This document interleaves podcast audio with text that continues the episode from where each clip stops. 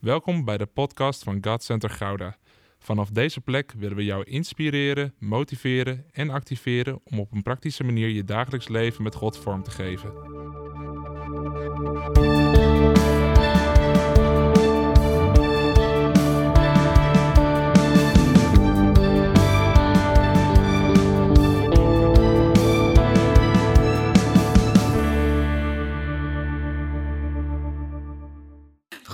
Goedemorgen gemeente. Ik ga even mijn iPad openen. Wat heerlijk om vanmorgen bij jullie te zijn. Hier uh, met steeds meer mensen in de zaal. Wat is dat fantastisch om echt ook als familie samen te komen. Maar u ook, jij ook thuis. Wat fijn, wat mooi dat je bent ingetuned vanmorgen. Op deze prachtige zonnige dag. Want wat is het weer heerlijk dat de zon schijnt. Wie geniet er ook zo van? Ja, hè? Ik zie allemaal korte broeken en uh, korte mouwen. Fantastisch. Hey, we zitten alweer halverwege juni en dat betekent dat we weer richting de zomervakantie gaan. Een tijd waarin veel mensen, waar veel mensen denk ik heerlijk naar uitkijken. En hopelijk kunnen we dit jaar lekker op vakantie. En kunnen we op reis. Nou, vandaag gaan we het ook hebben over op reis gaan. Ergens naartoe onderweg zijn. En als ik kijk naar mezelf, maar ook naar veel mensen om me heen, als we het hebben over een reis, dan zijn wij voornamelijk bezig met de eindbestemming. Daar is waar het uiteindelijk om gaat. En hoe kan ik ervoor zorgen dat ik daar zo snel mogelijk kom? Maar we gaan vandaag even een stapje terug en we gaan kijken naar de reis op zichzelf en wat we daarvan kunnen leren. En dat het juist goed is om in die reis ook gewoon uh, ja, daar echt alles zeg maar, uit te halen. Om uiteindelijk naar de uh, eindbestemming te gaan. De reis als je bestemming. Dat is het thema voor vanmorgen. En als we kijken dan naar een verhaal uit de Bijbel, wat ons hier inspireert, dan is dat het verhaal van Kijk, het volk Israël. Ja, er zijn het, is bizar. Je natuurlijk, ik zat van de week ook te bedenken. Er zijn eigenlijk alle key-figuren in de Bijbel, die ze maken allemaal wel een hele lange reis. Maar we gaan vanmorgen kijken naar het volk Israël. Want het volk heeft al 40 jaar rondgezworven in de woestijn. Generaties zijn voorbij gegaan en nog steeds zijn ze niet op hun eindbestemming. Nog steeds zijn ze niet in het beloofde land. Hebben ze nog niet hun doel bereikt. Maar dan staan ze voor de Jordaan. De laatste tussenstop. De laatste hobbel die ze moeten nemen om aan de overkant te komen, om de belofte die God voor hen had, uiteindelijk in te nemen. En ze moeten zich er een soort paradijselijke voorstelling van hebben gemaakt, denk ik, na al die verhalen van de verspieders. En daar staan ze dan, nog één rivier oversteken. Ken je dat liedje van Martijn Buwalda? Nog één rivier, dan zijn we thuis. Die, ja, ik zing hem denk ik niet helemaal goed. Maar dat liedje. Maar juist voor dat laatste stukje, ze zijn er bijna, is er nog een stukje van de reis waarin God hen eigenlijk een aantal belangrijke lessen wil leren. En we gaan daarover lezen in Jozua 3. Als het goed is, komt het ook op, de, op het scherm en bij jullie thuis ook. Ik lees Jozua 3, eerst vers 1 tot 5. De volgende ochtend vroeg trok Jozua met het hele volk weg uit Sittim. Ze kwamen tot aan de Jordaan, waar ze drie dagen bleven voor ze overtrokken. Op de derde dag gingen de schrijvers het kamp door om het volk te zeggen: Wanneer u de Levitische priesters de ark van het verbond met de Heer, uw God, ziet dragen, dan moet u het kamp opbreken en de ark volgen. Maar blijf op grote afstand, ongeveer 2000 el. Kom vooral niet te dichtbij. Want dan kunt u zien welke weg u moet volgen. Want u bent hier nooit eerder geweest. En Jozua zei tegen het volk: Reinig u, want morgen zal de Heer in uw midden wonderen verrichten. En dan lezen we vers 14 tot 17. Toen het volk het kamp had opgebroken om de Jordaan over te trekken, gingen de priesters die de ark van het verbond droegen voor het volk uit. Zodra de priesters bij de Jordaan waren gekomen en hun voeten door het water werden omspoeld, de Jordaan stond de hele oogsttijd buiten zijn oevers, kwam het water tot stilstand en vormde het een dam. Heel in de vette bij de stad Adam, die vlakbij Sare, zo, dat had ik even van tevoren moeten lezen, Saretan ligt. Het water dat naar de Zoutzee ging, ofwel de Dode Zee, stroomde helemaal weg. Het volk trok over tot hoogte van, ter hoogte van Jericho. De priesters die de ark van het verbond met de Heeren droegen, bleven precies in het midden van de bedding van de Jordaan staan, terwijl heel Israël overtrok tot de laatste man. Ga lekker zitten.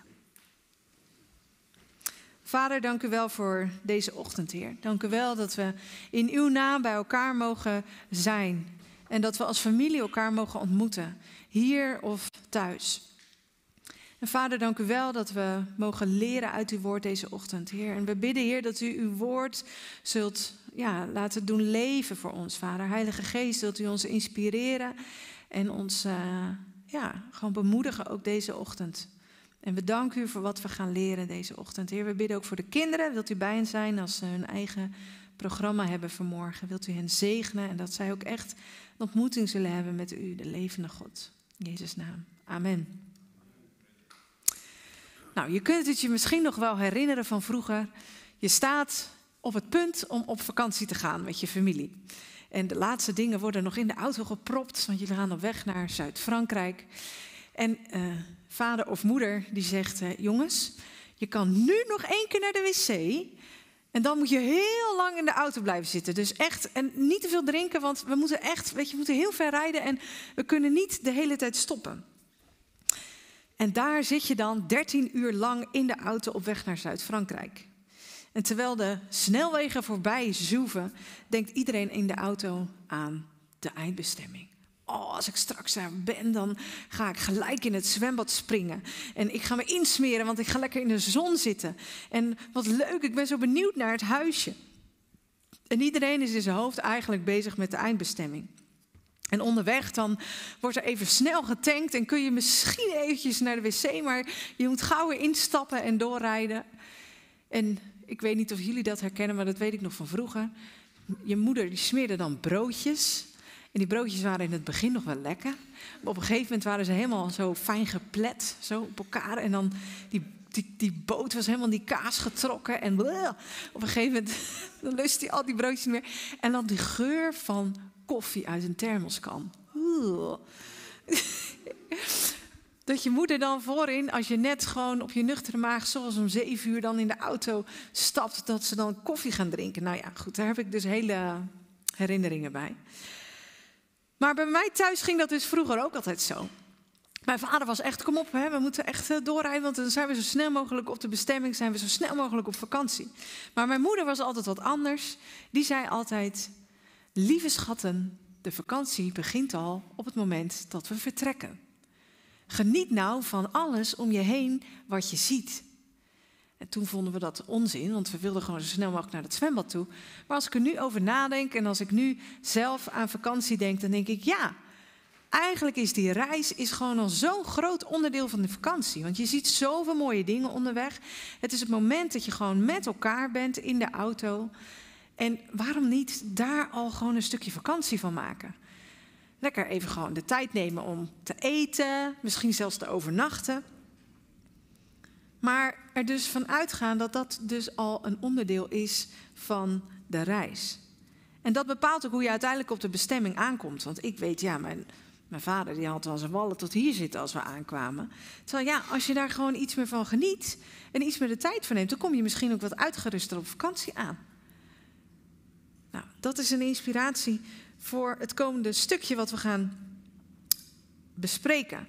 Want de verspieders van uh, het volk die waren net terug uit, uit Jericho en die hebben verslag uitgebracht.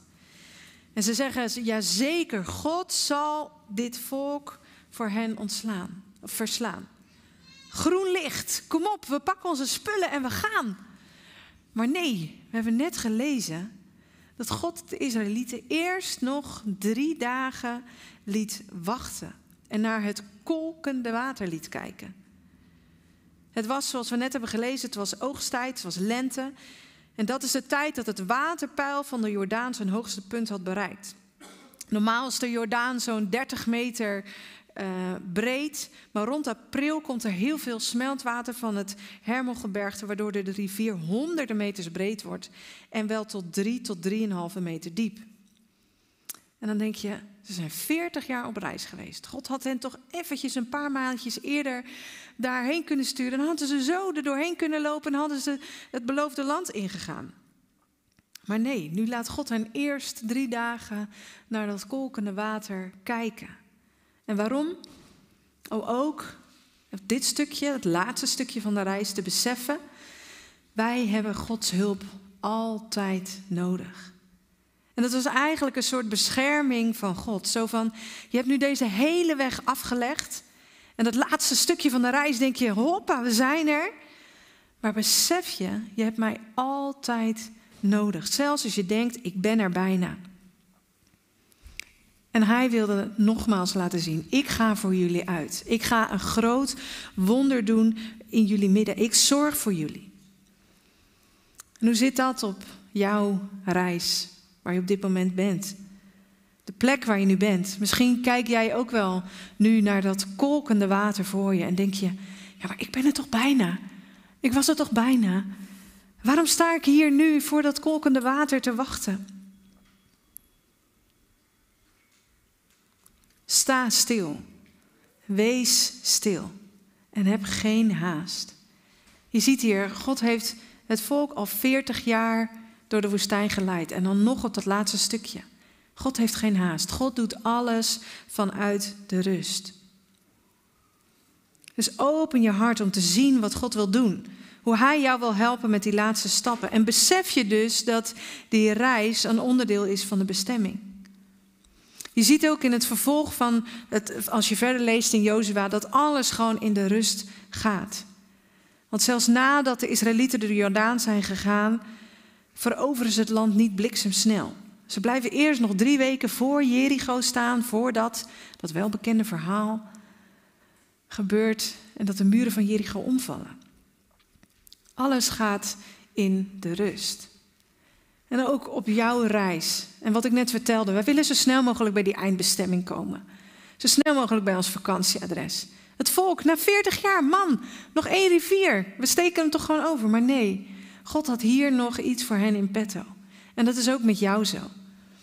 In jouw reis op je leven. Wees stil. Sta stil. Heb geen haast. En zie wat God wil doen.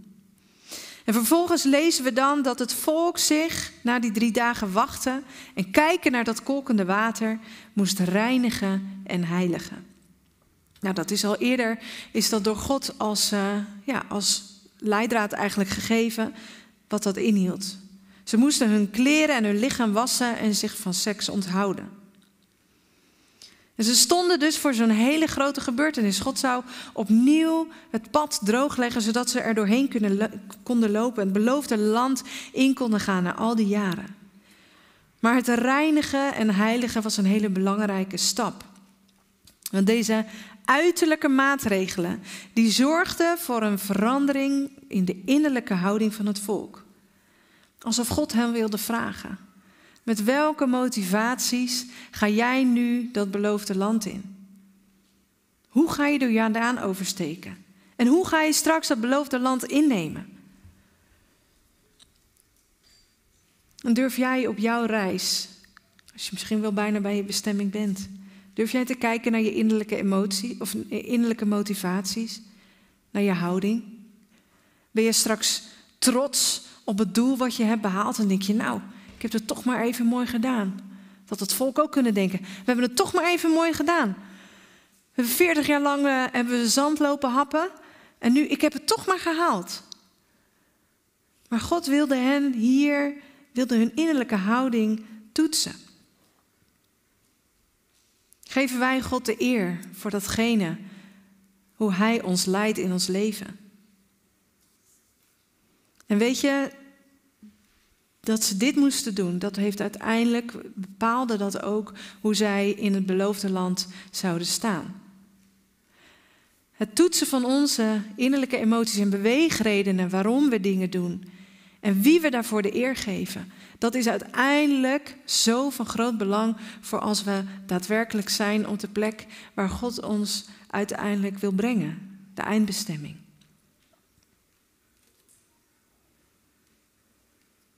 En dan zien we dat het volk hele duidelijke richtlijnen krijgt als het gaat om hoe ze de Jordaan over moesten steken. En de ark die speelt daarin de grote rol. In hoofdstuk 3 en 4 van het boek Jozua wordt, dit wel, wordt de ark wel 16 keer genoemd. En de priesters moesten eerst het water ingaan met de ark. En zij moesten in het midden van de Jordaan gaan staan. En toen ze in het midden stonden, toen pas kon het volk er langs. En op het moment dat de priesters met de ark de oever bereikten, week het water uiteen. En de ark stond in het midden van de rivier om het volk de uiteindelijke verlossing te brengen en hen naar het beloofde land te brengen. En het is zo mooi, het volk moest hier de ark volgen. Ze moesten er niet vooruit rennen, niet hun sandalen uitgooien en denken, wop, we gaan. God heeft dat al eerder gedaan en hij zal het misschien nu wel weer doen. Nee, ze moesten op, opnieuw moesten ze wachten totdat de ark in het midden was en toen mochten zij er doorheen gaan. En er zat, dat lezen we ook, een afstand van duizend meter tussen de ark en het volk. Waarom zoveel? Je zou toch zeggen, nou, als die gaan is, dan kunnen wij toch ook? Maar nee, het was om iedereen de kans te geven om te zien welk wonder God in het midden zou doen. En de Jordaan, dat ligt in een dal, dus die duizend meter, die zorgde ervoor dat iedereen van bovenaf gewoon kon zien dat wat er daar beneden in het dal gebeurde. En het doel van de eindbestemming zit hem dus al in de reis daar naartoe. Want de verlossing van het volk door wederom een groot wonder verwijst naar de verlossing door Jezus. De ark is het beeld van Jezus, die ons door zijn sterven de verlossing heeft gebracht. Weet je, het kruis van Jezus stond ook in het midden tussen twee moordenaars in. En de ark stond ook in het midden tussen de woestijn en het beloofde land. Het is zo mooi om te zien hoe God al in het Oude Testament, in deze verhalen, zijn verlossing al voorzegt. En het kruis van Jezus leidt mensen, leidt ons naar onze eindbestemming toe. En eigenlijk is zoals het volk van Israël de ark moest volgen om uiteindelijk bij hun eindbestemming te komen, is het voor ons ook van belang om op onze reis Jezus te volgen, om uiteindelijk de overkant te behalen, om uiteindelijk die eindbestemming, het doel te behalen.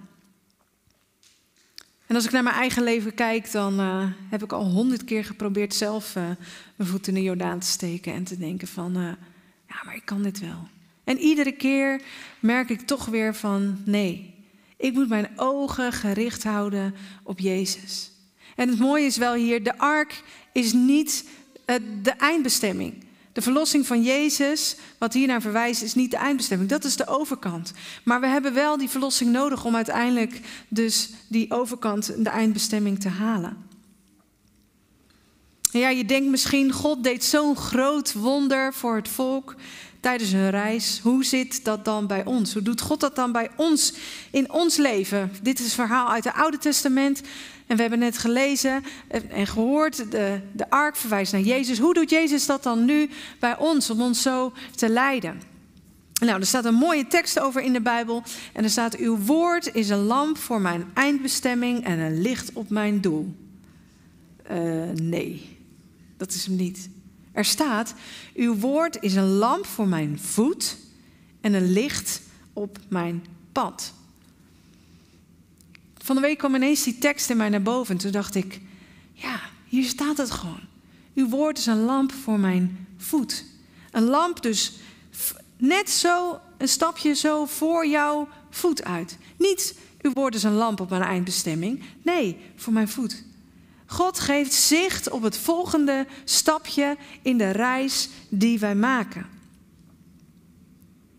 Gericht op de volgende stap en op het pad waarop je nu dus loopt. En uiteindelijk, de key is zijn woord. Zijn woord is een lamp voor onze voet en een licht op ons pad.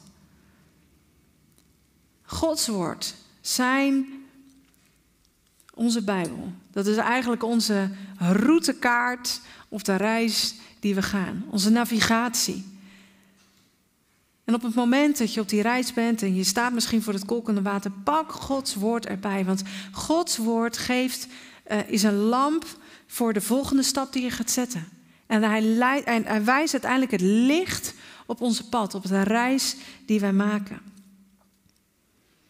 Weet je, we leven in een maatschappij waarin het behalen van doelen en het neerzetten van prestaties al van jongs af aan wordt aangeleerd. En wij leren ergens in onze cultuur, in onze maatschappij, nou, met het behalen van een doel bereik je de volgende stap in je leven. zo maak je stappen in je carrière. Je maakt stappen vanaf dat je kind bent en naar de middelbare school en dan naar de hogere school. En iedere keer is het weer je cijferlijst. Iedere keer is het weer het behalen van die prestatie die uiteindelijk ervoor zorgt dat je verder komt. Maar ik geloof dat we uit het verhaal van Jozua 3 en de tekst uit Psalm 119, vers 53 van uw woord is een lamp voor mijn voeten en een licht op mijn pad. Dat, dat dat ons laat zien dat het daar niet om draait. En dat de reis er naartoe uiteindelijk belangrijker is dan de focus te hebben op het einddoel. En ik, dat is iets wat ik al op jongere leeftijd heb mogen ervaren. Um, ik, was, uh, uh, ik zat in de eerste of in de tweede. En uh, ik heb dyscalculie, dus ik ben echt anti-goed met cijfers. Ik draai ze om en ik kan ze niet onthouden. En ik reken dus ook nog gewoon zo op mijn vingers. Dus ik had er altijd heel veel moeite mee. En eh, op een gegeven moment hebben mijn ouders mij op huiswerkbegeleiding gedaan. Omdat ik voor wiskunde en economie gewoon helemaal niet goed. Ja, daar was ik gewoon helemaal niet goed in. En er was een uh, huiswerkbegeleiding in Nieuwekerk aan de IJssel. Die was specifiek ook gericht uh, daarop. En daar konden ze me verder helpen. Maar goed, ik was uh, zo'n mini meisje van. Wat ben je als je in de eerste, tweede zit? 13, 14? Oh, 12, 12, 13, 14, zoiets. Als ik dan nu bedenk, dan denk ik echt zo'n zo'n ukkie. En dan ging ik met de trein van hier van Gouda ging ik met de trein naar Nieuwekerk aan de IJssel. Uh, nou, drie, vier dagen in de week. Om daar naar huisartsbegeleiding te gaan. Nou, ik vond dat super spannend. Gewoon alleen al die reis, gewoon daar naartoe. Maar wat deed mijn moeder? Die gaf mij altijd iets mee voor in mijn tas. En dat mocht ik dan openmaken op het moment dat ik in de trein zat. En de ene dag was het een stukje cake. En de andere dag was het een kusje in een zakje. Dat deed ze vroeger. Dan deed ze een kusje in een zakje. Dan deed ze hem dicht. En dan had ik een kusje bij me. ja, als moeder ben je creatief soms, hè? En soms zat er gewoon een briefje in met mooie woorden. En ik, ik kon gewoon niet wachten totdat ik aan het eind van de, van, van de schooldag in de trein stapte en mijn tas openmaakte. De trein was vaak nog niet eens vertrokken. Of ik had mijn tas opengemaakt en dat, dat cadeautje wat er dan in zat, haalde ik eruit. En dat was hetgene wat wij, mij aanmoedigde, wat mij zekerheid gaf, wat mij hoop gaf, wat mij erkenning gaf. In die reis richting huisartsbegeleiding. En ik zeg nog wel eens tegen mijn moeder, ik zeg, mam, volgens mij zijn het die cadeautjes die ervoor hebben gezorgd dat ik mijn diploma heb gehaald. Niet zozeer die huisartsbegeleiding, niet zozeer het behalen van die, van die acht op mijn cijferlijst. Niet zozeer dat ik daar nou het heb geleerd. Nee, ik kan me niet eens meer herinneren wat ik daar heb geleerd. En ik tel nog steeds op mijn vingers. Ja. Maar, maar, maar de, de reis ernaartoe, die heeft mij gebracht tot waar ik nu als vrouw ben. Dat geloof ik echt. En ik zat laatst toevallig, um, toen ik al in de voorbereiding van deze preek zat, toen zat ik in de trein naar Rotterdam. Ik kom nooit meer in de trein, maar ik zat in de trein naar Rotterdam en ik stopte bij Nieuwekerk aan de IJssel en ik schoot gewoon vol. Ik werd gewoon zo geraakt door het feit dat ik dat, dat, ja, dat, dat stukje van mijn reis, gewoon de letterlijke reis van Gouda naar Nieuwekerk aan de IJssel, maar ook mijn reis in mijn leven, dat dat hetgene is wat, ja, wat mij zoveel heeft gedaan. En ik denk echt dat we een, een, een shift moeten maken in onze gedachten. En ik, ik, ik geloof en ik hoop ook dat, ja, dat je dat deze dag ook bewust samen met God wilt doen. Dat het niet gaat om het behalen van die, van, van die prestaties. Dat het niet altijd. Natuurlijk, het is goed om je doel voor ogen te hebben. En dat, dat, dat houdt ook de focus. Maar de reis ernaartoe, net als het volk, die nog even hier, net voordat ze de eindbestemming halen, nog een, nog een laatste stukje van die reis hebben, die zo bepalend is voor hoe ze uiteindelijk het beloofde land ingingen. Ik wil vast de band vragen om, uh, om naar voren te komen. Durf jij vandaag een verandering te maken in je denken? Durf je God de gelegenheid te geven, zijn Heilige Geest de gelegenheid te geven om jouw denken te veranderen? Door stil te staan en stil te zijn. En als je voor dat kolkende water staat, dat je weet, God gaat een wonder doen. Ook dit is een onderdeel van mijn reis en uiteindelijke uitbestemming. En als tweede, door je innerlijke motivaties te toetsen. Door jezelf te reinigen en te heiligen. Want uiteindelijk je houding in de reis, tijdens de reis, is zo bepalend voor hoe je uiteindelijk op je eindbestemming bent. En als derde, volg Jezus. Houd je oog gericht op Jezus. Net zoals het volk zijn oog gericht moest houden op de ark. En de ark moest volgen door de Jordaan heen. Volg dan Jezus, want Hij gaat jou voor. Hij verlost je en brengt je droogvoets naar de overkant. We gaan nu een, ehm, een lied zingen met elkaar, dat heet I Surrender. En ik denk dat dat hetgene is wat we deze ochtend mogen doen. I surrender. Ik geef het over aan u.